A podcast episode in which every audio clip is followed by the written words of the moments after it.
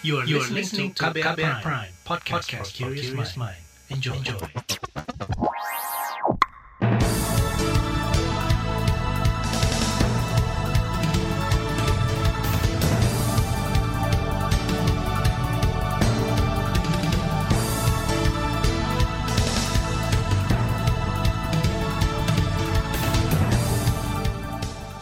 Selamat pagi saudara, jumpa lagi di program Buletin Pagi edisi Rabu 29 Desember 2021. Saya Sindu Darmawan.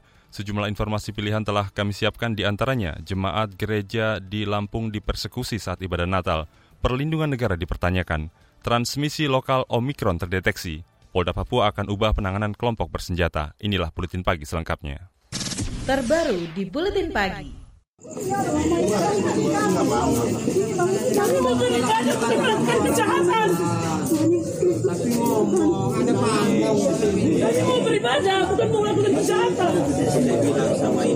Saudara itu tadi cuplikan suara dari video yang beredar di media sosial. Dalam video itu terlihat aksi persekusi terhadap jemaah saat ibadah Natal di Gereja Pantai Costa Indonesia GPI, Desa Banjaragung, Kabupaten Tulang Bawang, Lampung pada Sabtu 25 Desember lalu. Sekelompok orang terlihat memaksa penghentian ibadah Natal dan menanyakan soal perizinan gereja. Sementara jumlah jemaah gereja menyinggung soal hak untuk beribadah dan merayakan Natal. Menurut pendeta di GPI Tulang Bawang, Sopan Sidabutar, ada salah persepsi dan kesalahpahaman dengan tokoh masyarakat setempat terkait peribadatan. Kata dia hal itu sudah diselesaikan. Ia menyebut ibadah perayaan Natal juga sudah terlaksana dengan pengamanan jajaran polsek dan koramil setempat. Kepolisian Resor Tulang Bawang Lampung mengklaim situasi Kamtipmas di sana aman da dan damai pasca kejadian tersebut. Begitu juga kerukunan antar suku dan agama. Klaim ini disampaikan Kapolres Tulang Bawang Huja Soumena saat menggelar jumpa pers terkait permasalahan pelarangan ibadah Natal di Gereja Pantai Costa Indonesia GPI kemarin. Hal senada disampaikan Dandim Tulang Bawang Joko Sunarto. Kata dia asas musyawarah dan mufakat selalu dikedepankan untuk menyelesaikan setiap permasalahan di sana. Namun Persekutuan Gereja-Gereja di Indonesia PGI menyesalkan tindakan tersebut. Menurut Ketua Umum Persekutuan Gereja-Gereja Indonesia PGI Gomar Gultom, persekusi oleh kelompok intoleran kerap terulang karena lemahnya perlindungan negara. Ya catatan kita memang lemahnya fasilitasi oleh negara dan perlindungan oleh negara dan karena membiarkan kelompok-kelompok intoleran, intoleran bertindak main hakim sendiri. Ini yang saya kira harus diperbaiki ke depan di mana negara hadir. Kalaupun ada pelanggaran hukum, ya biar negara yang bertindak, jangan masyarakat main hakim sendiri. Ketua Umum PGI Gomar Gulto menjelaskan dalam peraturan bersama Menteri PBM tentang pedoman pelaksanaan tugas kepala daerah dalam pemeliharaan kerukunan umat beragama sudah diatur tanggung jawab negara untuk memfasilitasi kelompok beragama yang belum mendapat izin mendirikan tempat ibadah. Kepala Pusat Kerukunan Umat Beragama Sekjen Kementerian Agama Wawan Junaidi mengatakan, upaya mediasi terus dilakukan bersama warga Desa Banjar Agung di Tulang Bawang, Lampung. Wawan berharap mediasi mampu meredam situasi yang sempat memanas di sana kita sudah diskusi dengan para pihak, dengan dua belah pihak, kita maksimalkan eh, langkah-langkah uh, mediasi ya. Jadi dengan langkah mediasi kan kita harapkan yang dihasilkan nanti win-win semuanya menang, tidak ada yang kalah menang. Jadi langkah-langkah mediasi ini terus kita lakukan, bukan hanya di Lampung. Lampung ini kebetulan karena sudah kejadian, tapi kita memitigasi lagi hal-hal kasus-kasus yang lain yang tadi seperti saya katakan. Wawan Junaidi mengklaim warga dan pengurus Forum Kerukunan Umat Beragama FKUB Tulang Bawang sebelumnya sudah sepakat menyediakan salah satu aula di kantor kecamatan untuk dijadikan tempat ibadah jemaah PGI. Tapi pada malam Natal kemarin jemaah PGI justru melakukan ibadah Natal di rumah ibadah yang belum berizin. Akibatnya sebagian warga setempat terpicu kemarahannya. Sementara itu, Wakil Presiden Ma'ruf Amin mempertanyakan peran aparatur di Tulang Bawang Lampung dalam menjaga kerukunan antar umat beragama di sana. Pernyataan ini disampaikan Ma'ruf lewat juru bicaranya, Mas Duki Baidowi. Kata dia, warga yang terlibat perseturuan seharusnya bisa bermusyawarah sehingga tidak terjadi konflik, apalagi di saat umat Kristiani sedang melaksanakan ibadah Natal. Ya kalau bisa diselesaikan secara musyawarah ya diselesaikan secara musyawarah dan bagaimana agar tidak terjadi hal-hal yang seperti itu. Karena kita memang kan harus siap ya e, menerima perbedaan keyakinan, perbedaan pendapat kan kan, kan seperti itu. Mas Duki menilai kurangnya peran Forum Kerukunan Umat Beragama FKUB di daerah sering kali membuat tindakan intoleran kerap terjadi.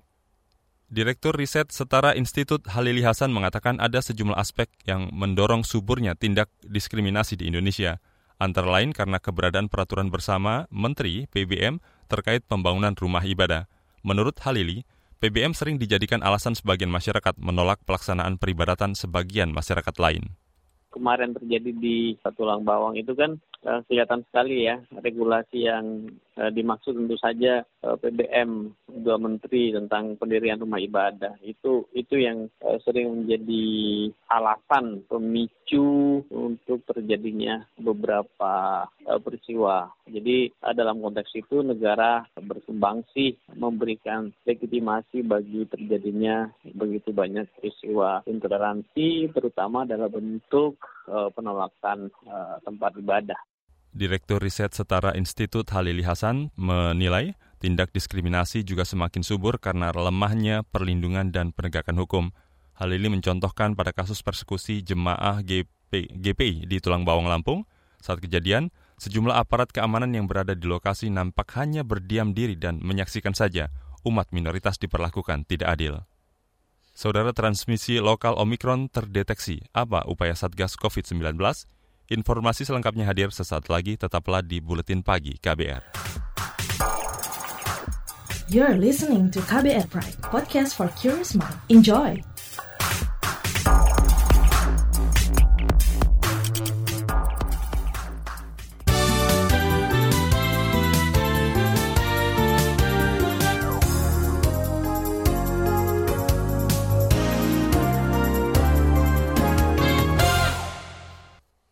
Saudara Kementerian Kesehatan mengumumkan penambahan satu kasus positif Omikron kemarin.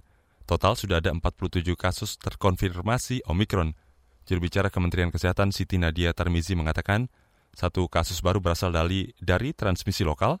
Saat ini petugas lapangan terus memeriksa sejumlah orang yang pernah kontak erat dengan pasien sehingga hingga hari Selasa 28 Desember terdapat 47 kasus konfirmasi positif Omikron di Indonesia, di mana 46 kasus adalah kasus import dan satu kasus transmisi lokal. Yang terbaru adalah kasus laki-laki usia 37 tahun yang tidak ada riwayat perjalanan ke luar negeri dalam beberapa bulan terakhir ataupun kontak dengan pelaku perjalanan luar negeri. Juru bicara Kementerian Kesehatan Siti Nadia Tarmizi menjelaskan satu pasien yang terinfeksi Omikron merupakan warga Medan dan sedang berkunjung ke Jakarta bersama istrinya. Pasien itu sempat mengunjungi sejumlah lokasi, termasuk satu restoran di kawasan SCB di Jakarta. Saat ini pasien sudah diisolasi di RSPI Sulianti Saroso dan kondisinya tidak menunjukkan gejala klinis apa pun. Saudara seluruh kepala daerah diminta mengevaluasi kembali kinerja posko COVID-19 di masing-masing desa. Juru bicara Satgas COVID-19 Wiku Adi Sasmito mengatakan, evaluasi perlu dilakukan supaya penerapan mikro lockdown bisa efektif konsep mikro lockdown merupakan bagian dari PPKM mikro di tingkat RT dan tetap diatur dalam instruksi Menteri Dalam Negeri untuk membatasi kegiatan masyarakat secara ketat. Untuk itu, dalam implementasinya perlu kembali mengevaluasi kinerja posko termasuk pencatatan dan pelaporan kasus. Untuk itu, mohon kembali setiap pemerintah daerah mengevaluasi kinerja posko di masing-masing desa dan kelurahan Juru bicara Satgas COVID-19 Wiku Adhisa Smito juga mendorong pemerintah memperketat pengawasan di pintu-pintu masuk luar negeri karena mayoritas kasus, kasus Omikron yang terdeteksi merupakan pelaku perjalanan luar negeri. Kita ke soal lain, Presiden Joko Widodo menyebut waduk atau bendungan merupakan kunci tercapainya kedaulatan pangan. Hal ini disampaikan Jokowi saat meresmikan bendungan Pidekso di Kabupaten Wonogiri, Jawa Tengah. Kemarin, Jokowi ingin semua provinsi di Indonesia memiliki waduk untuk mengairi sawah petani. Kalau kita ingin kemandirian pangan tercapai, kedaulatan pangan tercapai, ketahanan pangan tercapai, waduk adalah menjadi kunci. Air merupakan kunci. Oleh sebab itu, kita bangun waduk di seluruh provinsi di tanah air kita. Saudara kemarin Presiden Jokowi meresmikan dua bendungan, yaitu Bendungan Ladongi di Kabupaten Kolaka Timur, Sulawesi Tenggara, Bendungan ini dibangun sejak lima tahun lalu dengan biaya 1,2 triliun rupiah. Kemudian, kemudian Jokowi meresmikan bendungan Pidekso di Wonogiri, Jawa Tengah yang mulai dibangun sejak empat tahun lalu dengan anggaran lebih dari 700 miliar rupiah. Kita beralih ke soal ekonomi. PT Pertamina mengimbau masyarakat tetap menggunakan LPG non-subsidi setelah kenaikan harga gas secara bertahap di akhir tahun ini. Pernyataan itu disampaikan pejabat sementara Sekretaris Perusahaan Pertamina Patra Niaga, Irto Ginting, menanggapi kekhawatiran beralihnya masyarakat pengguna LPG non-subsidi ke LPG subsidi. Kami menghimbau saya lagi kepada pengguna LPG non-subsidi itu untuk tetap menggunakan LPG non subsidi ya tidak mengambil hak hak LPG yang subsidi yang kita khususkan kepada masyarakat-masyarakat yang masih membutuhkan LPG subsidi. Irto Ginting mengklaim kenaikan harga LPG non-subsidi disebabkan meningkatnya tren harga kontrak price Aramco CPA sepanjang tahun ini.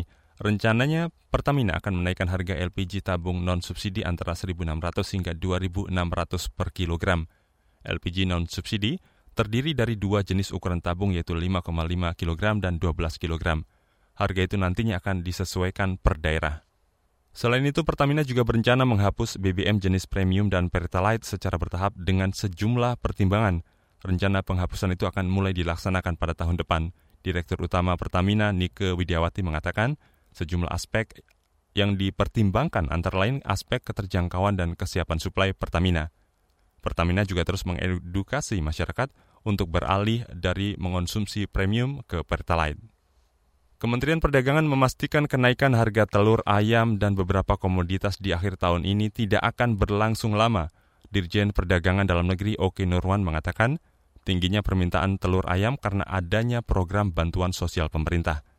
Selain itu, kenaikan juga disebabkan tingginya harga jagung untuk pakan ayam petelur dan dibarengi naiknya permintaan karena pelonggaran mobilitas warga.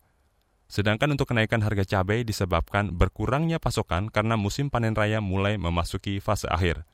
Pasokan cabai diperkirakan kembali normal pada Februari tahun depan. Kita ke informasi mancanegara. Kapal yang mengangkut sekitar 57 pekerja migran Indonesia PMI tak berdokumen tenggelam di perairan Selangor, Malaysia. Duta Besar Indonesia di Kuala Lumpur, Hermono, mengatakan insiden itu terjadi pada Sabtu lalu – Kapal itu berangkat dari Kabupaten Batubara, Sumatera Utara. Menurutnya, empat anak buah kapal dan 35 penumpang berhasil diselamatkan, namun sisanya diduga tewas. Hingga saat ini agensi penguat kekuasaan maritim Malaysia masih melakukan operasi pencarian korban.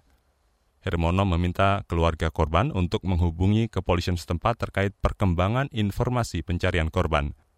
Tenggelamnya kapal pekerja migran ini merupakan insiden kedua yang terjadi pada bulan ini. Sebelumnya kapal pengangkut PMI juga tenggelam di perairan Tanjung Balau, Johor Bahru, Malaysia, pertengahan Desember lalu. Kita beralih ke informasi olahraga.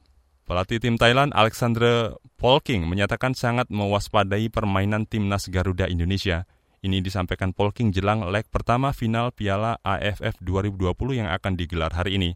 Polking menilai permainan timnas Indonesia didominasi pemain muda bertalenta serta sangat berbahaya saat melakukan serangan balik. Dalam pertandingan nanti Thailand tidak akan diperkuat bek kiri dan kiper utama akibat cedera. Sementara itu pelatih timnas Indonesia Sintayong mengatakan Indonesia juga tidak diperkuat bek kiri Pratama Arhan akibat sanksi akumulasi dua kartu kuning di dua pertandingan. Taeyong berharap skuad Garuda masuk ke lapangan dengan mental kuat dan semangat juang tinggi. Taeyong sudah menyiapkan skema bertahan dan permainan terbuka untuk mengatasi perlawanan Thailand. Di ajang Liga Inggris, Leicester City mengalahkan Liverpool 1-0 pada laga yang digelar di Stadion King Power dini hari tadi. Gol kemenangan Leicester disumbang Ademola Lukman menit ke-59. Hingga babak akhir, anak asuh The Club gagal menyamakan kedudukan.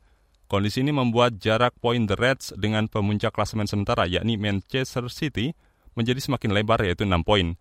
Pada laga lain, Newcastle menahan imbang Manchester United dengan skor satu sama. Di bagian berikutnya, kami hadirkan laporan khas KBR yang mengulas tema tentang target kekebalan komunal untuk mengatasi ancaman Omikron. Nantikan sesaat lagi. You're listening to KBR Pride, podcast for curious mind. Enjoy!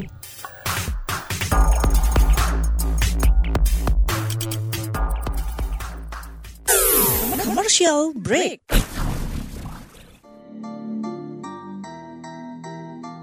Come on yo. Buat yang sukanya berhoax, you better listen to this one. Check this one out yo. Hati-hati kalau baca kabar hoax Jangan langsung disebar kabar yang Hoax. Kalau mau tahu kabar benar atau Hoax. Dengerin cek fakta yang pasti bukan Hoax. Dengerinnya setiap Senin yang jelas bukan Hoax. Cuma ada di kbrprime.id. Dan aplikasi podcast lainnya Hoax. Sudah cukup-cukup hoaxnya? Hoax. Cukup Jaga emosi, tahan jari, verifikasi sebelum dibagi. Saya Aribo Sasmito, Ketua Komite Pemeriksa Fakta Mafindo. KBR Prime, podcast for curious mind.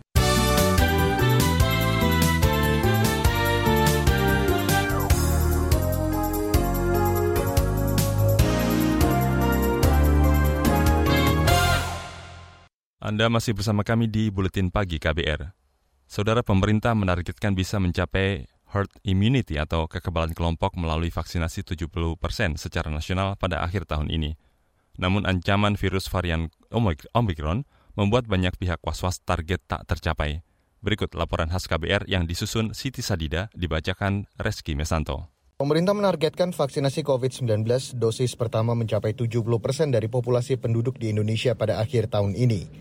Juru bicara Satuan Tugas Penanganan COVID-19, Wiku Adhisa mengklaim target itu berhasil dicapai. Ini tidak lepas dari keterlibatan banyak pihak, termasuk pihak swasta yang membantu percepatan distribusi vaksin. Indonesia memulai penyuntikan perdana kepada presiden dan beberapa pejabat publik pada awal bulan Januari. Lalu selanjutnya di bulan Februari, pelaksanaannya mulai bertahap dilakukan berdasarkan skala prioritas masyarakat, menimbang kerentanan kelompok terpapar COVID-19. Pada bulan selanjutnya, demi menjamin ketersediaan vaksin jangka panjang, serta mendorong kemandirian anak bangsa, pemerintah menetapkan kandidat vaksin merah putih untuk didukung sepenuhnya rangkaian proses produksi serta hilirisasinya. Lalu di bulan Mei, untuk mempercepat laju vaksinasi, pemerintah juga bermitra dengan pihak swasta seperti sektor industri untuk menjadi penyelenggara vaksinasi atau melaksanakan vaksinasi gotong royong. Akhirnya di akhir tahun ini Indonesia mencapai target vaksinasi oleh WHO di mana 70 persen populasinya telah divaksin dosis pertama dan 40 persen populasi telah divaksin dosis kedua. Sementara itu, Wakil Ketua Komite Penanganan COVID-19 dan Pemulihan Ekonomi Nasional Luhut Binsar Panjaitan menyebut, capaian vaksinasi di Pulau Jawa dan Bali bahkan lebih tinggi dari rata-rata nasional. Meskipun jika dilihat dari cakupan geografis, capaian vaksinasi belum merata. Dapat kami laporkan juga bahwa capaian vaksinasi umum dan lansia di Jawa dan Bali juga terus meningkat. Capaian vaksinasi dosis 1 dan 2 di Jawa dan Bali masing-masing telah mencapai lebih dari 80 persen dan 60 persen. Sementara hasil sero survei nasional yang menunjukkan tingkat kekebalan masyarakat cukup tinggi. Namun masih terdapat beberapa kabupaten kota dengan vaksinasi dosis 1 di bawah 50 persen. Pemerintah terus mendorong peran serta pemerintah daerah untuk memaksimalkan suntikan vaksin di wilayahnya. Epidemiolog Universitas Erlangga, Laura Nafika Yamani mengapresiasi pencapaian tersebut. Hanya saja, Laura menyarankan pemerintah segera meningkatkan target dan capaian vaksinasi COVID-19. Ini tidak lepas dari kemunculan bermacam varian COVID-19 termasuk varian Omicron dengan capaian vaksinasi yang bisa dikatakan baik, ini tentunya harus dipertahankan. Dan kalau bisa juga harus ditingkatkan, karena ini kan kemunculan varian baru kita tidak tahu ya seperti apa nanti kondisinya. Target vaksinasi yang di awal itu ya eh, sekitar 70 persen itu kan eh, identifikasi dari virus yang awal yang datang dari Wuhan ya, yang memiliki daya tular atau rate of transmissionnya itu sekitar satu orang bisa menularkan ke 3 sampai 4 orang. Sedangkan saat ini itu kan sudah berkembang varian-varian yang baru. Ada alpha, ada beta, ada delta, bahkan sekarang itu omikron. Dan yang menjadi uh, titik berat ya, adanya perubahan karakteristik virus ini adalah peningkatan dari daya transmisi. Bahkan sekarang Omikron katanya kan juga lebih menular ya dibandingkan dengan Delta. Sampai lima kali gitu kan. Kalau dulu hitungan saya itu hitungan kita gitu ya. Kalau Delta itu sekitar 7 sampai 10 orang itu berarti cakupan vaksinasinya kan juga tidak lagi 70 persen. Satu dibagi misalkan tadi daya tularnya kan 10 ya. Berarti kan satu 0,1 gitu ya. Berarti bisa dihitung satu dikurangi 0,1 itu kan butuh 90 persen. Laura menyebut dengan capaian vaksinasi saat ini, kekebalan komunal bisa dikatakan sudah terbentuk. Tapi untuk mempertahankannya, masyarakat tetap wajib dan terus menerapkan protokol kesehatan. Di lain pihak, penasihat Dirjen Organisasi Kesehatan Dunia atau WHO untuk gender dan pemuda, Dia Satyani Saminarsi mengatakan, WHO merekomendasikan vaksinasi masyarakat di seluruh dunia mencapai 40% persen dari populasi untuk tersebar secara merata. Dia mengakui belum ada penyesuaian rekomendasi pasca munculnya varian Omikron. WHO masih berfokus pada ketimpangan sebaran vaksinasi COVID-19 secara global. Kenyataannya banyak negara yang yang sudah sangat banyak, sudah 70-80 persen bahkan lebih, bahkan sampai booster vaksin ketiga keempat, bahkan anak-anak sudah mulai divaksin, tetapi di sisi lain banyak negara juga yang cakupan vaksinnya baru 8%, paling tinggi 10%. Jadi sangat sangat jauh ketimpangannya. Tentu kita mendorong untuk mencapai 40% ini uh, dengan harapan agar tidak ada ketimpangan lagi, tapi uh, catatannya adalah kalau ada banyak negara mencapai hingga 80-90 persen, tapi di sisi lain banyak negara juga masih belum sampai 10 persen, itu tidak akan menghentikan pandemi. Saudara, laporan ini disusun Siti Sadida, saya Reski Mesanto. You're listening to KBR Pride, podcast for curious mind. Enjoy!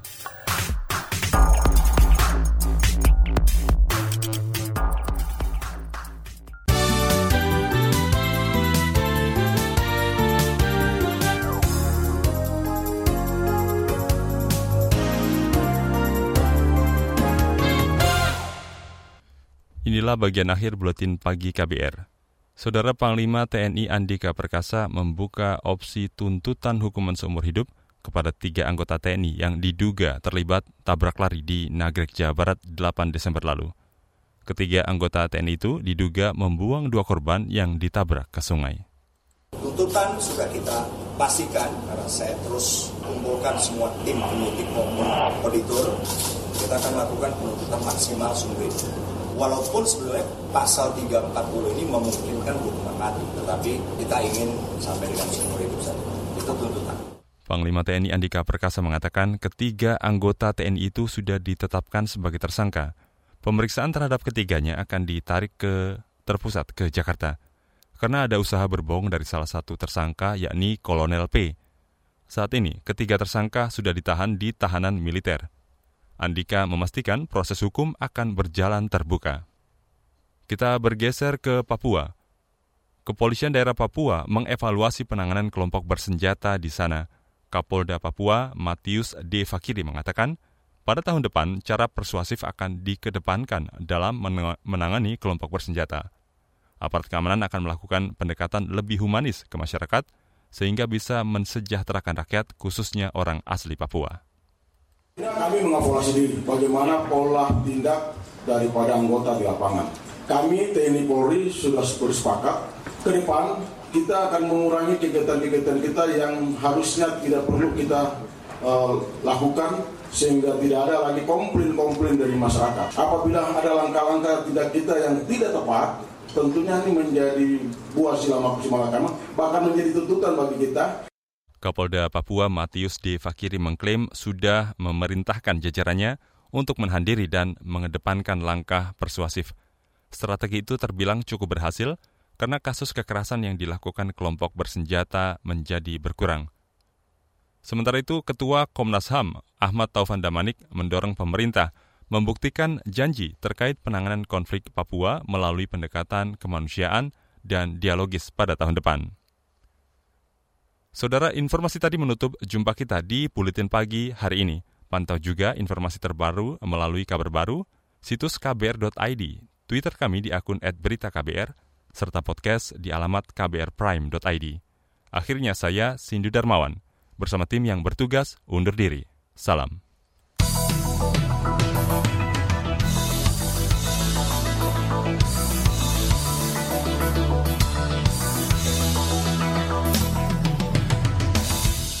KBR Prime, cara asik mendengar berita. KBR Prime, podcast for curious mind.